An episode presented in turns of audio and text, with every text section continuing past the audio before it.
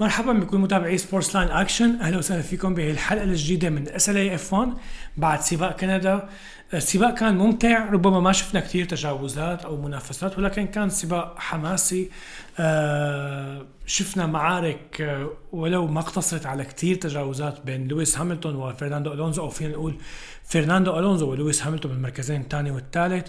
أكيد البداية كانت مع ماكس فيرشتابن بصراحة هذا الحكي عم يتكرر بكل حلقة بس ما في كثير حكي ينقال عن ماكس فيرشتابن بمستوى عالي جدا أعلى من كل المنافسين بتوقع هذا السباق الثالث على التوالي اللي بتصدر فيرشتابن كافة لفاته بدون ما يخسر أي لفة.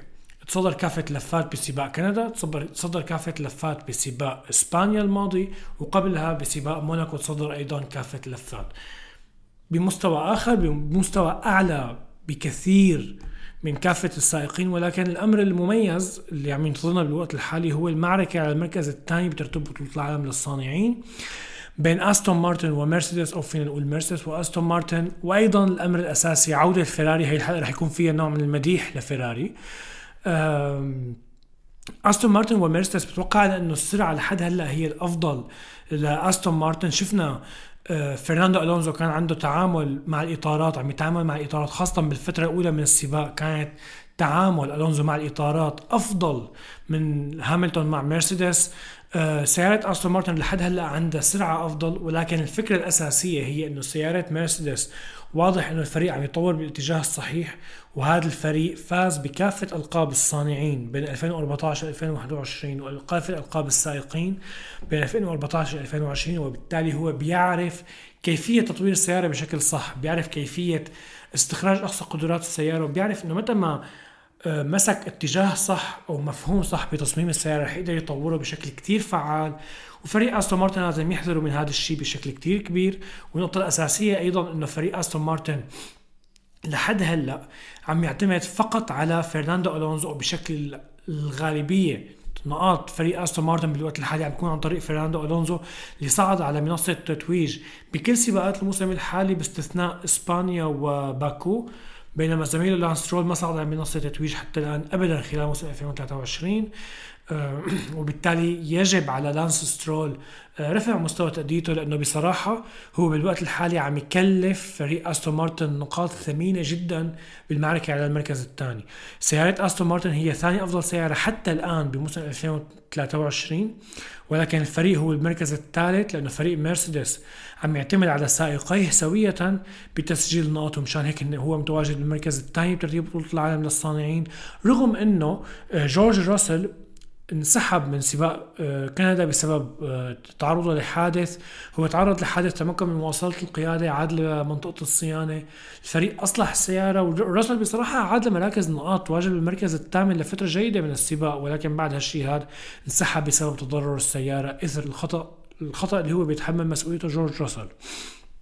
ولكن فينا نقول بشكل عام فريق مرسيدس عم يعتمد بشكل دائم على هاملتون وراسل سوية لتسجيل عدد كبير من النقاط بينما فريق أستون مارتن عم يعتمد فقط على فرناندو ألونزو. لانس سترول هو ابن مالك الفريق لورين سترول وبالتالي ما بنعرف لإيمتى رح يضل هذا الاعتماد على لانس سترول ولكن بصراحة بالوقت الحالي آه، سترول عم يكلف فريق أستون مارتن فرصة الاحتفاظ بالمركز الثاني بترتيب بطولة العالم للصانعين رغم إنه عندهم أفضل سيارة. المفاجأة الإيجابية بسباق كندا كانت فريق فيراري. فريق فيراري اللي لولا مشاكل الحصة التأهيلية وانطلاقه من مراكز نوعا ما متأخرة لوكلير انطلق من خارج خارج المراكز العشرة الأولى ولكن آه تعامل مع السباق بشكل صحيح. بصراحة أنا استغربت استراتيجيتهم بالبداية لما دخلت سيارة الأمان إثر حادث راسل. آه كافة السائقين اللي كانوا عم يستخدموا وقتها الإطارات ال medium توجهوا لمنطقة الصيانة لإجراء آه توقف الصيانة الأول والانتقال لاستخدام الإطارات ال hard بينما فريق فيراري تقدم للمركزين الرابع والخامس ولكن اختار عدم إجراء توقفات صيانة وكان هذا الشيء كثير غريب بوقتها. خصوصا إنه سيارات فيراري عم تشتهر كانت بموسم 2023 إنه هي عم تجهد إطاراتها بشكل كتير كبير.